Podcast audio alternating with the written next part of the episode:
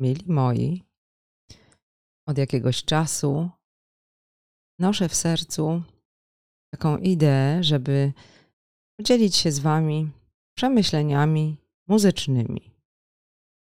Dlaczego uważam to za ważne? Dlatego, że jak już wiecie, bo mówiłam o tym wcześniej, dźwięk stworzył świat. Słynne incipitum Ewangelii według świętego Jana na początku było słowo, a słowo było u Boga i Bogiem było słowo. Wszystko przez nie się stało. To błąd w tłumaczeniu. Na początku był dźwięk. Tak, ta sentencja powinna brzmieć. Zatem, jeśli dźwięk był tym, co uporządkowało chaos, i jeśli wprowadził harmonię, która urodziła wszechświat, piękny, to warto się nad nim zadumać. Słuchajcie, dźwięk to kreacja, to równowaga. To coś, co ma swoje odzwierciedlenie nie tylko w naszym wymiarze, nie tylko w 3D. Dźwięku nie widzimy, ale czujemy. Jego wibracja, bo dźwięk to wibracja, to to samo powoduje, że nasze ciało się przebudowuje. Pomyślcie, składamy się w 74% średnio, między 70 a 80% wody. Woda ma pamięć, jest żywym organizmem, który konstruuje, ożywia, zmienia. Można ją zaprogramować. Jeśli zaprogramujesz ją miłością, pięknym słowem, którego brzmienie i harmonia wprowadza ład pojedynczej cząsteczce wody. Masaru Emoto robił takie doświadczenia. To będzie pięknie. Będziesz zdrowy, silny, szczęśliwy.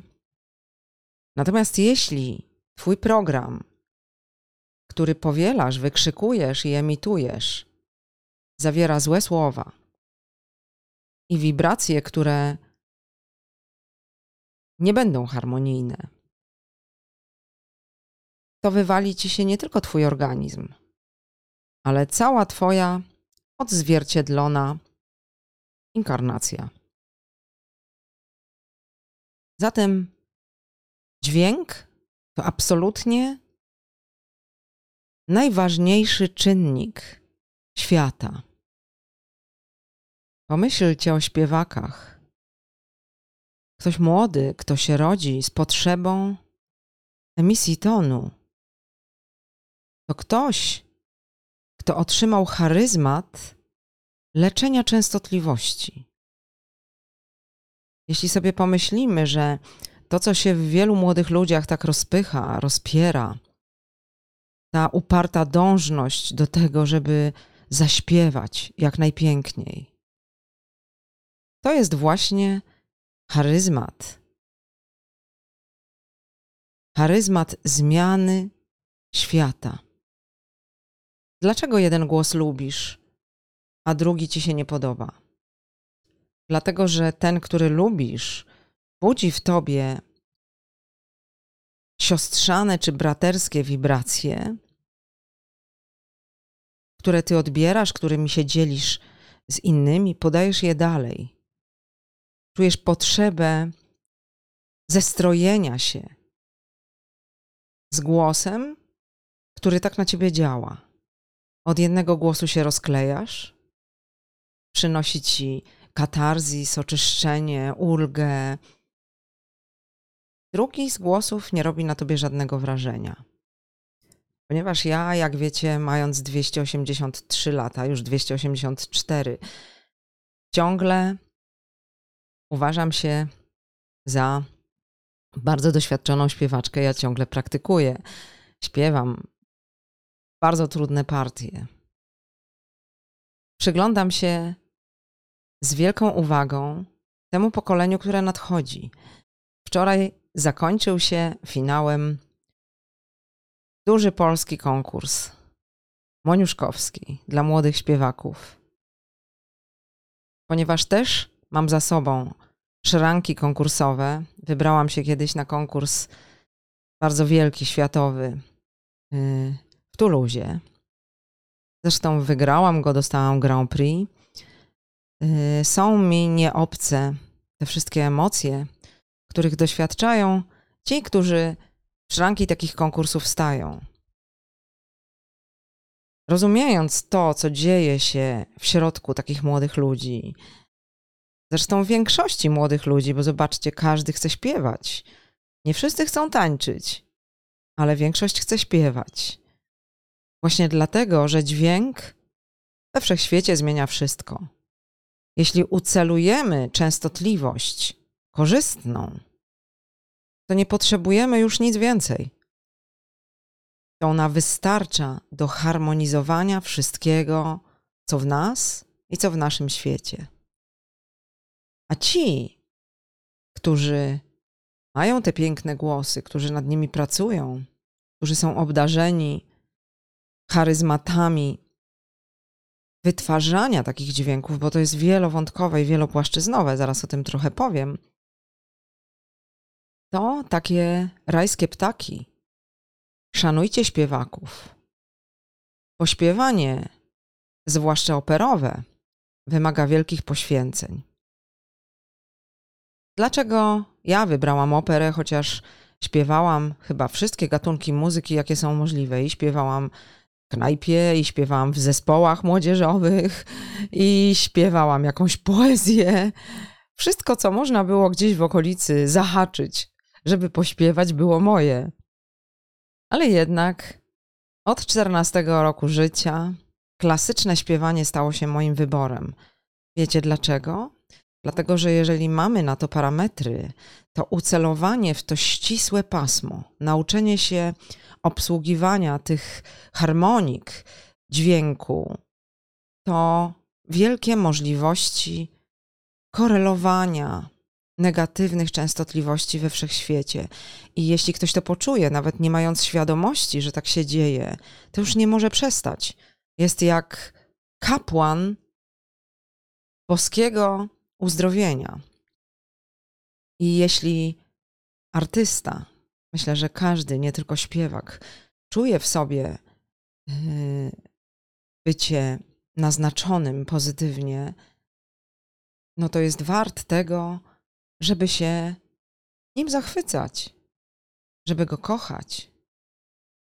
Czyli znów powiem, kochajcie śpiewaków, bo oni są lekarzami wszechświata. Dlaczego opera jest taka szczególna? Mówiło się, że przez jakiś czas yy, przeżywa regres, że jest ramotką, jeszcze pamiętam, jak zaczynałam karierę, mając 17 lat, tak naprawdę. To jeszcze się trochę wstydziłam, że ja tak w operze śpiewam. pamiętam, że chowałam się z tym trochę, wcale nie pokazywałam tej swojej oryginalności. Wtedy na topie było wydzieranie się, a nie klasyczna emisja.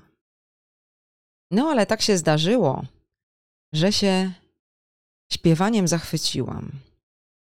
I znalazłam się w świecie, który wydawał mi się świątynią. Sądziłam, że wchodząc w świat opery, doświadczę wyłącznie uwznioślenia, że jak śpiewacy siedzą w tym bufecie operowym, to oni wyłącznie o wzniosłych rzeczach rozmawiają, że wszystko dzieje się dla najwyższego dobra, świetlistości, pojechałam na konkurs w Tuluzie tak naprawdę, żeby sprawdzić, jak ja wypadnę z innymi, bo ja nie jestem wielką zwolenniczką wyścigów w sztuce. Zresztą kapitalny film o tym zrobił Wiesio Saniewski, film o tytule Wygrany. Zobaczcie, jak nie widzieliście. Konkursy w sztuce to jest średnie dobro, ale ponieważ opera została zdominowana przez Matrixa, Matrix wyciąga po nią swoje macki, to jedyną możliwością, żeby gdzieś tam w tym świecie opery się pokazać i zaistnieć, są konkursy. Te konkursy yy, troszkę fałszują obraz, bo śpiewanie nie może być oceniane, tak? Wszyscy to robimy, bo musimy yy, gdzieś tam sobie umiejscowić yy, pewne rodzaje brzmienia czy wykonań. Ale konkursy to generalnie nic dobrego. Jednak pozwalają w tym świecie, który się spsił, powiem też o tym za chwilę, zaistnieć tym, którzy są najczystsi, czyli młodym śpiewakom, którzy mają otwarte oczy, patrzą w niebo i wierzcie mi, pamiętam to ze swojej młodości. Są po prostu w pełnym uwzniośleniu i przekonaniu, że oni y, są w służbie dźwiękowi. Znowu bowiem kochajcie śpiewaków. Opera to taka przestrzeń, która, gdyby myśleć życzeniowo i spojrzeć na nią jak na syntezę sztuk, powinna zgromadzić ludzi oddanych temu przedsięwzięciu. Ponieważ jest ten koturn cudownej muzyki, często poetyckich libret, teatru, światła, scenografii, wszystkich dziedzin, jakie możesz sobie wymyślić w sztuce, w jednym miejscu, tu i teraz, uważa się operę za najtrudniejszą dziedzinę. Żeby zostać wytrawnym melomanem, trzeba coś wiedzieć. A wierzcie mi, ta pasja się budzi, jeśli się w ten świat wejdzie. Jeśli Twoje serce jest otwarte na przestrzeń brzmień, dźwięków, kolorów, jeśli wejdziesz do opery w odpowiednim emocjonalnie mm, momencie, to już w niej zostaniesz. Pamiętam moje młode lata, jak dzięki pewnej pani bileterce, bo ja nie pochodzę yy, z bogatego domu, mogłam przychodzić na tak zwany krzywy ryj do opery wrocławskiej. Ona wiedziała, że ja kocham tę operę. I byłam na każdym przedstawieniu, wiecie? Będąc nastolatką. 14-15 lat. Moja mama się śmiała, że po co ja wracam do domu, że tam powinno mi się łóżko wstawić i powinnam już tam zostać. Ten świat cudownych melodii, dźwięków, przedstawienia postaci mnie tak uwiódł, że pozostałam w tym gatunku, nawet nie mając świadomości jeszcze, że ja będę śpiewać w operze. Po prostu mnie opera uwiodła to połączenie wszystkich sztuk, które razem dawało ten piorunujący, niezwykły efekt, to było to, z czym zarezonowało moje serce. Nie było wtedy mody na reżii teatr, na y, rzucanie się na scenie, na y, brutalizm, na sprowadzenie opery do parteru, co często dzieje się teraz. Też o tym w tym cyklu powiem.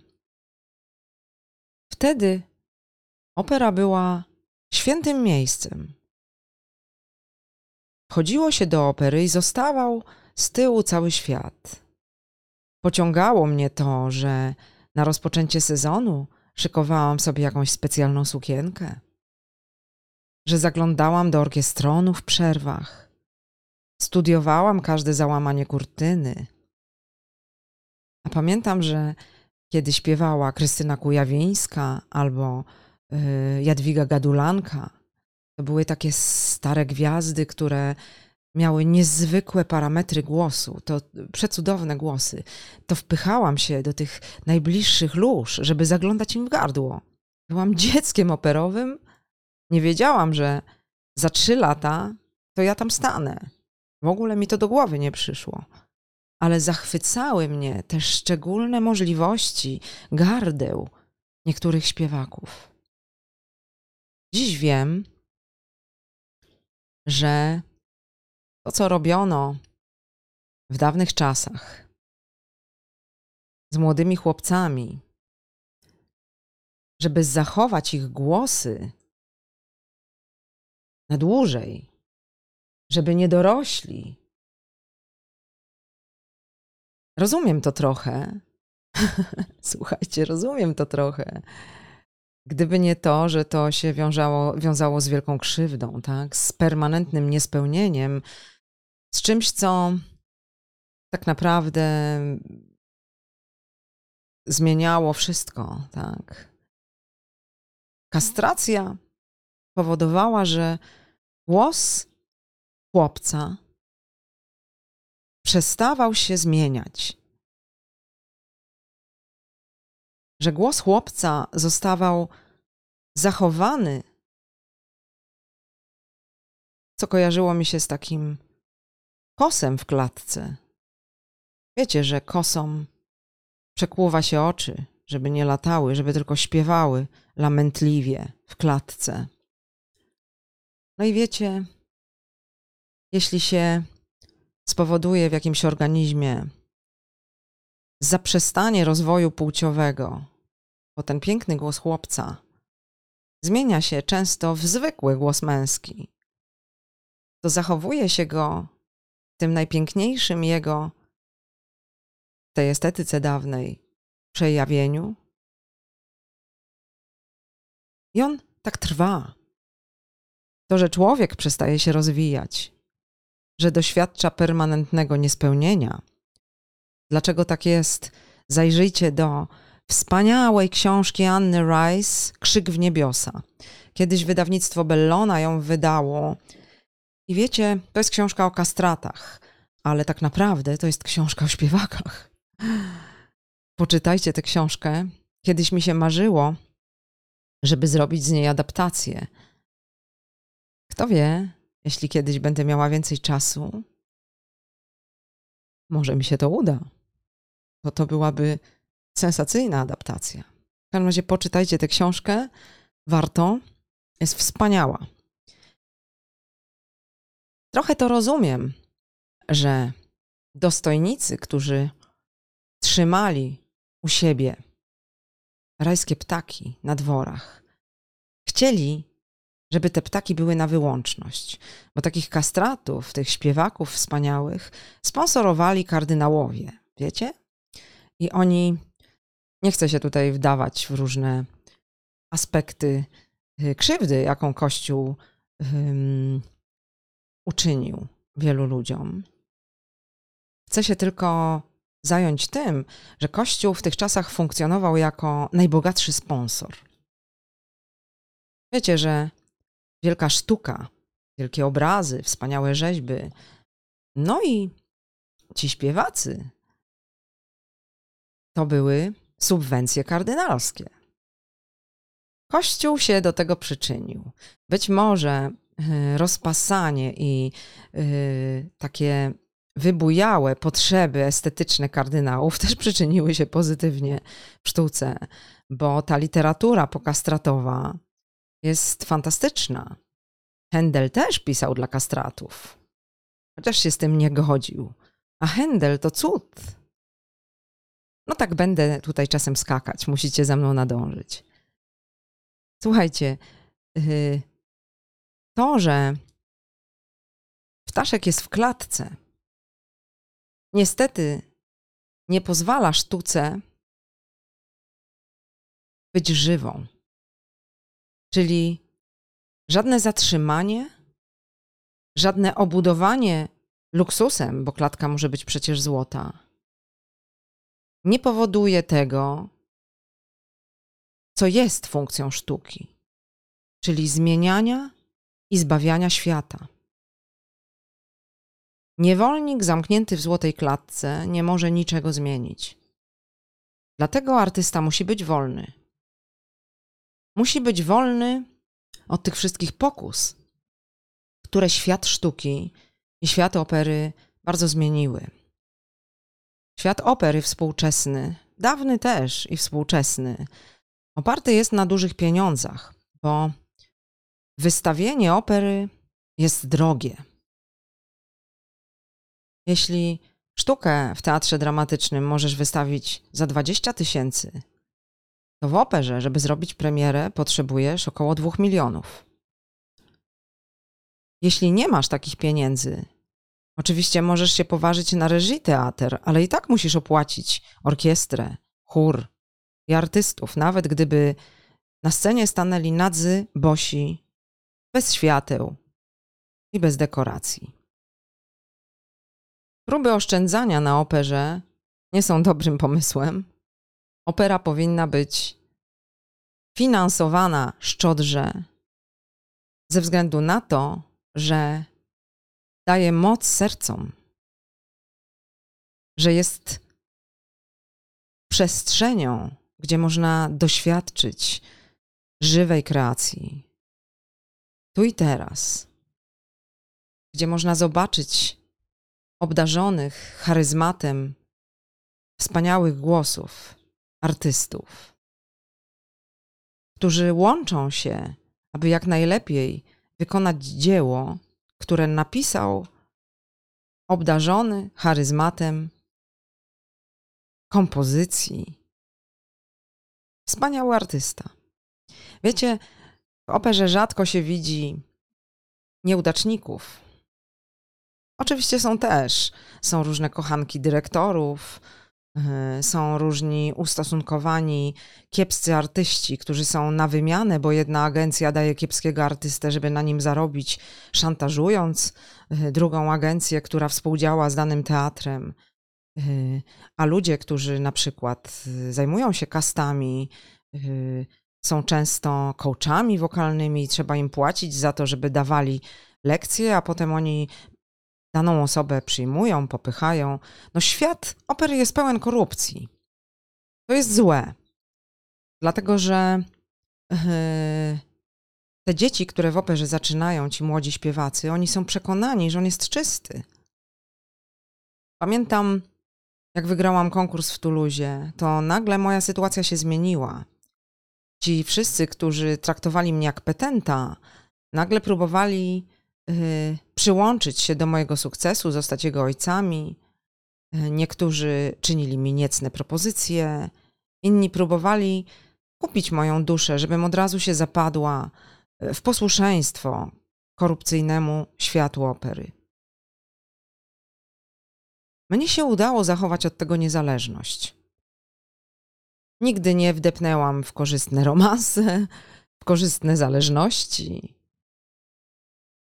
Dzięki temu udało mi się w tym świecie jakieś 200 lat być. Ciągle w nim jestem, a w tej chwili korzystam ze swobody powiedzenia tego, co myślę. I czynię to w każdych warunkach. Nie muszę yy, posiłkować się manipulanckimi kłamstwami, które ułatwiałyby mi życie, albo przystępować do jakichś ugrupowań, które i tak nie mają siły głosu, bo na końcu i tak każdego można wymienić. No więc słuchajcie, nie każdego. To nie jest tak, że gdzieś tam te macki Matrixa mogą wszystko. Oczywiście yy, próby są. Często tych nieposłusznych się niszczy, upokarza. Wiem o tym z osobistych doświadczeń. Trochę Wam o tym powiem, bo uważam, że takie rzeczy trzeba zacząć korygować, trzeba o tym mówić głośno. Trzeba o tym mówić, że polityka położyła na operze łapę. Że politycy próbują operę złapać za pysk, jednocześnie się na niej lansując. Tak nie powinno być. To opera powinna, jako synteza sztuk, być światłem dla polityków. Jeśli politycy założą jej złotą klatkę, to sztuka nigdy nie będzie sztuką, bo ona musi być wolna, żeby się wypowiadać. Więc magia głosu śpiewaków powinna rozbrzmieć w uwzniośleniu, w niepodległości. i w totalnym oddaniu sztuce momentu. Dlatego kochajcie śpiewaków. Śpiewak, który doświadcza daru głosu, musi długo pracować, długo się uczyć, długo komunikować się ze swoim głosem, żeby to, co w nim jest, te talenty, które polegają na połączeniu wielu bodźców w jednym momencie, na percepcji yy, wielu korekt jednocześnie, na połączeniu ze źródłem w trakcie aktu kreacji. W tym momencie, kiedy dźwięk biegnie, słuchajcie, to jest bardzo trudna droga, kiedy się zaczyna, bo trzeba trafić na fajnego profesora, który nie został profesorem tylko dlatego, że nie udała mu się kariera wokalna i się przywiązał do uczelni. No i przeszedł tam, tam przez ten upierdliwy tryb zdobywania tych wszystkich kolejnych tytułów, żeby później mówiono do niego panie profesorze i żeby mógł pracować do końca swoich dni. Musi trafić na kogoś, kto umie go nauczyć śpiewać. A to wiecie, nie jest łatwe. Nie ma wielu takich ludzi w operze. Nie ma w Polsce y, kogoś, o kim wielu takich, o których można by powiedzieć, bo kilku jest, że są coachami wokalistów. Śpiewak jak ja, młody, Y, mając 23 lata, jadąc na wielki konkurs, powinien być zaopiekowany, wyposażony w wiedzę, powinien wiedzieć, jak dystrybuować energię, jak się odnaleźć w stresie, jak rozmawiać z, pro, z proponującymi kontrakty. To wszystko powinien mieć zdobyte. To się udaje dzieciom, które są z rodzin wokalnych albo y, które mają Y, jakichś właśnie, znowu do tego wracamy, sponsorów bogatych, którym nie brak pieniędzy na bilety, na samolot, na zgłoszenia. To wszystko kosztuje. Biedne dziecko, utalentowane, ze zwykłego domu, nie ma na to wszystko środków. Ja pamiętam, że pojechałam na przesłuchania do ministerstwa. Ministerstwo Kultury i Sztuki organizowało takie przesłuchania to było takie e, narodowe sito, tak? Kto wygrał, ten jechał. No i ja takie przesłuchania właśnie wygrałam. Dostałam e, od ministerstwa pieniądze na hotel, na to, żeby się tam zgłosić, diety. Byłam finansowana przez państwo polskie, jadąc na ten konkurs. Niestety nie miałam własnego pianisty, nie miałam żadnej wiedzy, jak ja mam się tam zachować w tym świecie. Nikt mi niczego nie powiedział, bo nikt nie liczył, że ja ten konkurs wygram i to w cuglach z jednogłośnym Grand Prix. A wiecie dlaczego tak jest? Dlatego, że system szkolnictwa muzycznego w Polsce nie jest dobry. To nie jest tak, jak powinno być. Wiele głosów jest niszczonych. Wiele osobowości, które są nadwrażliwe, y, nie są w stanie tego przetrwać. A zazwyczaj, jak się ma taki głos, to ma się też wyjątkową wrażliwość. Nikt się z tym nie liczy. Zawsze się mówi, że to jest przygotowanie do twardego życia w teatrach. Tak, w polskich teatrach operowych życie jest twarde. W tych innych też jest twarde. I wiecie co? Konkursy muzyczne, mimo całego zła, wyścigu i zawodów, które nie mogą dziać się w sztuce, dają jedno, że jeśli już taki konkurs wygrasz, to na jakiś czas masz spokój.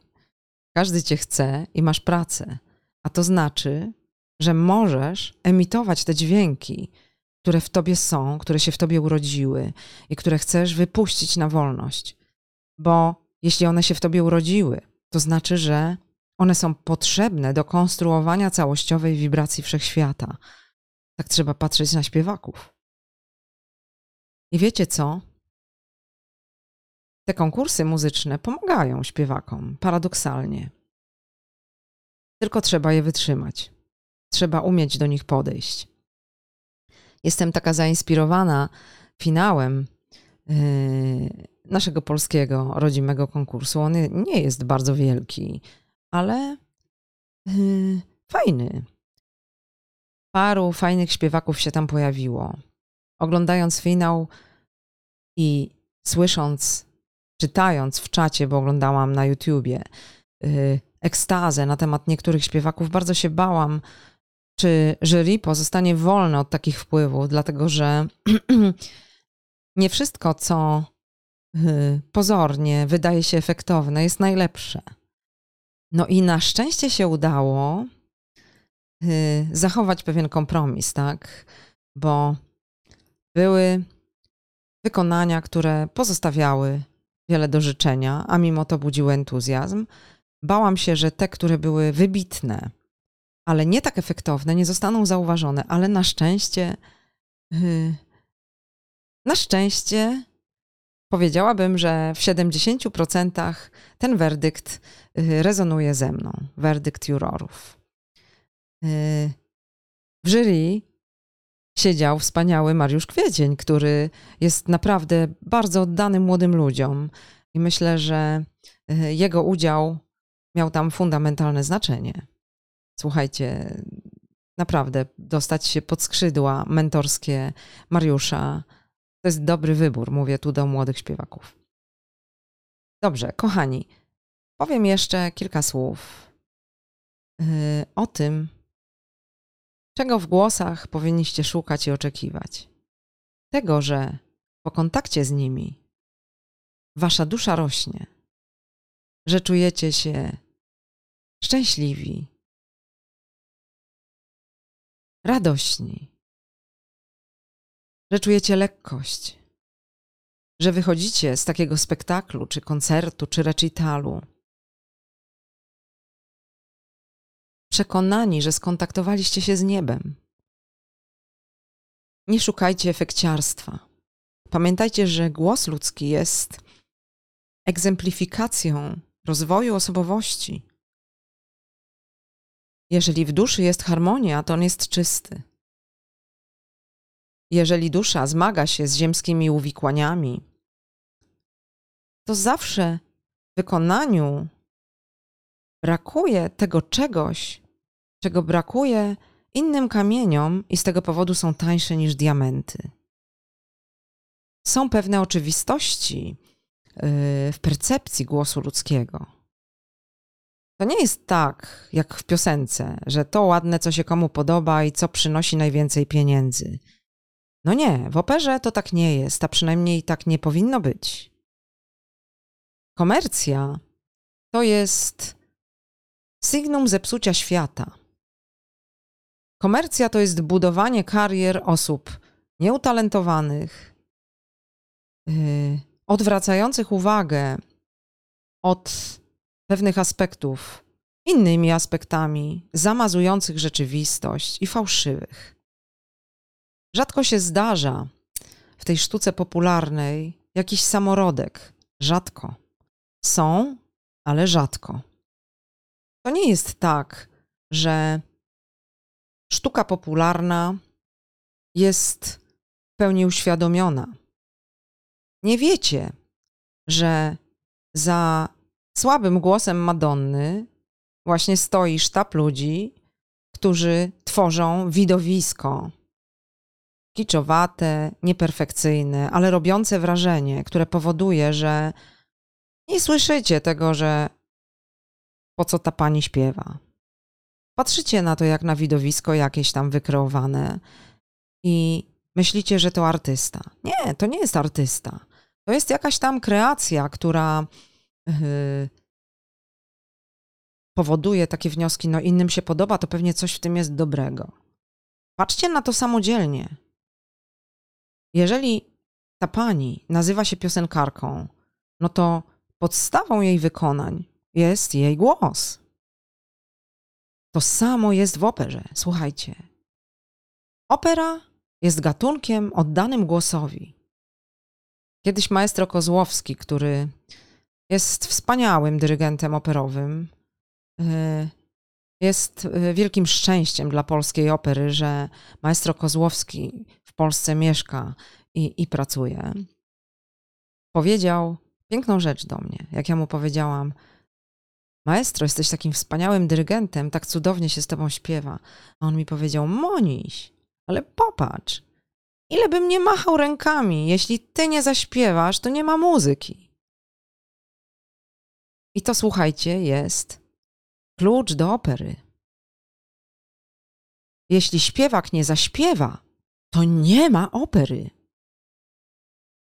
Kwintesencją wszystkiego jest celebracja dźwięku śpiewaka.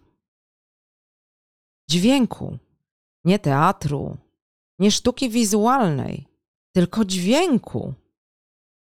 Głos śpiewaka jest najwyższą wartością w operze. Głos śpiewaka ma być tym, co zapamiętacie, za czym będziecie tęsknić, co będziecie sobie ukradkiem zapisywać na nośnikach, żeby, mo, mo, żeby móc tego posłuchać w wolnej chwili. Bo to jest to, co rekonstruuje i zmienia wszystko. Cała reszta to jest tylko obudowa głosu śpiewaka. Ten koturn orkiestry, wspaniałych melodii, rytmów, które was uwodzą, to jest oprawa dla diamentów, dla głosów ludzkich, które współtworzą i spełniają to widowisko. Na ich barkach olbrzymia odpowiedzialność. Zatem, zanim wejdą do świątyni sztuki, powinni mieć przygotowane do tego głosy i powinni mieć przekonanie, że wszystko jest czyste, żeby ten czysty świat budować. Powinni być wolni od zastraszania, że jak nie będziesz posłuszny, to cię wykopię z obsady. Usłyszałam to nieraz. Śpiewak nie jest odtwórcą, śpiewak jest twórcą. A reżyserzy, dyrygenci, scenografowie służą śpiewakowi. Jeśli sobie o tym pomyślimy, to rozumiemy, że czas rozpychania się reżyserów, którzy wprowadzają brutalizm na deski scen operowych, powinien się szybko skończyć. Że opera nie jest miejscem przepychanek, pokazywania gołych fiutków. Opera jest miejscem uwznioślenia. Nie potrzebujesz w operze obrzydlistwa. Nie potrzebujesz przekierowania uwagi na ciemną energię. Dlatego reżyserzy, którzy stawiają toski, odwracając się od cudownej postaci toski na rzecz diabolicznej natury skarpi, zawsze ponoszą klęskę. Wiecie, opowiem Wam o tym więcej. Będziemy mieli wspaniałych gości. Y, umówiłam się już z gwiazdami opery na wspólne podcasty. Chciałabym, żeby to, co mówię, przyprowadziło Was do oper, bo Wasza obecność, Wasze przygotowanie do odbioru tego, co zmienia świat i poparcie dla tego gatunku sztuki ma wielkie znaczenie. Może uda się nam wspólnie wyjąć sztukę z rąk polityków, którzy trzymają łapę na kasie, bo jak powiedziałam, opera nie jest tania. Ja doceniam tych, którzy operę traktują z szacunkiem. Chylę tu czoła przed wrocławskim marszałkiem, którego miałam okazję poznać podczas mojej wrocławskiej toski. Tam teatr ma się dobrze. Teatr operowy. Mamy też taką szansę w Łodzi, ponieważ w Łodzi pojawił się na stanowisku dyrektora artystycznego maestro Banaszak.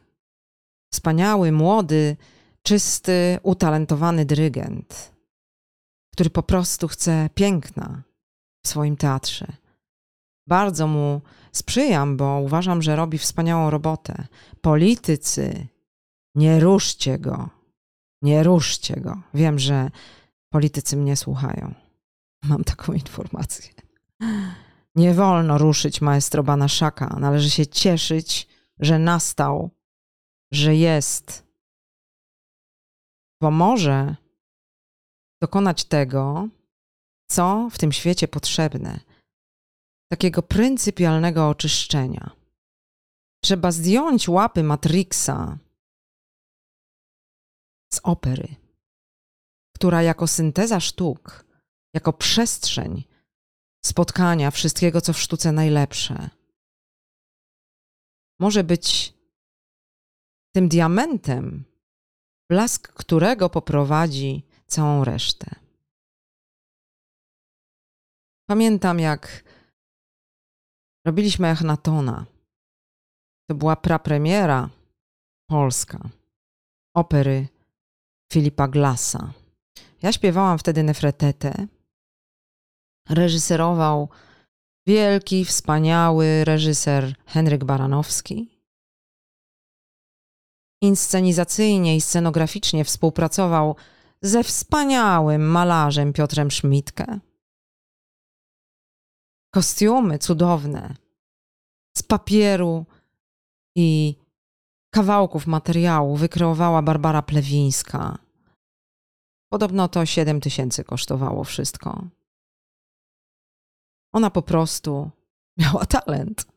Nie potrzebowała wielkich pieniędzy, żeby cudowną rzeczywistość opowiedzieć kostiumami. Orkiestra stała na rzęsach, bo partie orkiestry w minimalizmie zawsze są trudne, a to jest właśnie muzyka, y, którą się opisuje, ten gatunek muzyki opisuje się jako minimalizm. Za pulpitem dyrygenckim, w koszulce, stał maestro Kozłowski, który też uważał, że to jedno z trudniejszych przedsięwzięć w jego karierze, ale wykreował wspaniały emocjonalnie muzyczny świat. No, wszystko się tam spotkało. Byli wspaniali tancerze. Cudowna Edyta Wasłowska. Wspominam, kłaniam ci się, Edytko. Kilka takich produkcji, a może nawet kilkadziesiąt w mojej karierze jest. Wspomnę o nich w tych podcastach. I wiecie, te, które pamiętam, to była ta wybitna synteza. To było to, że ktoś się odważył zestawić zespół realizatorów, którzy byli bezkompromisowi, utalentowani, zakochani w tej przestrzeni, w której się znaleźli,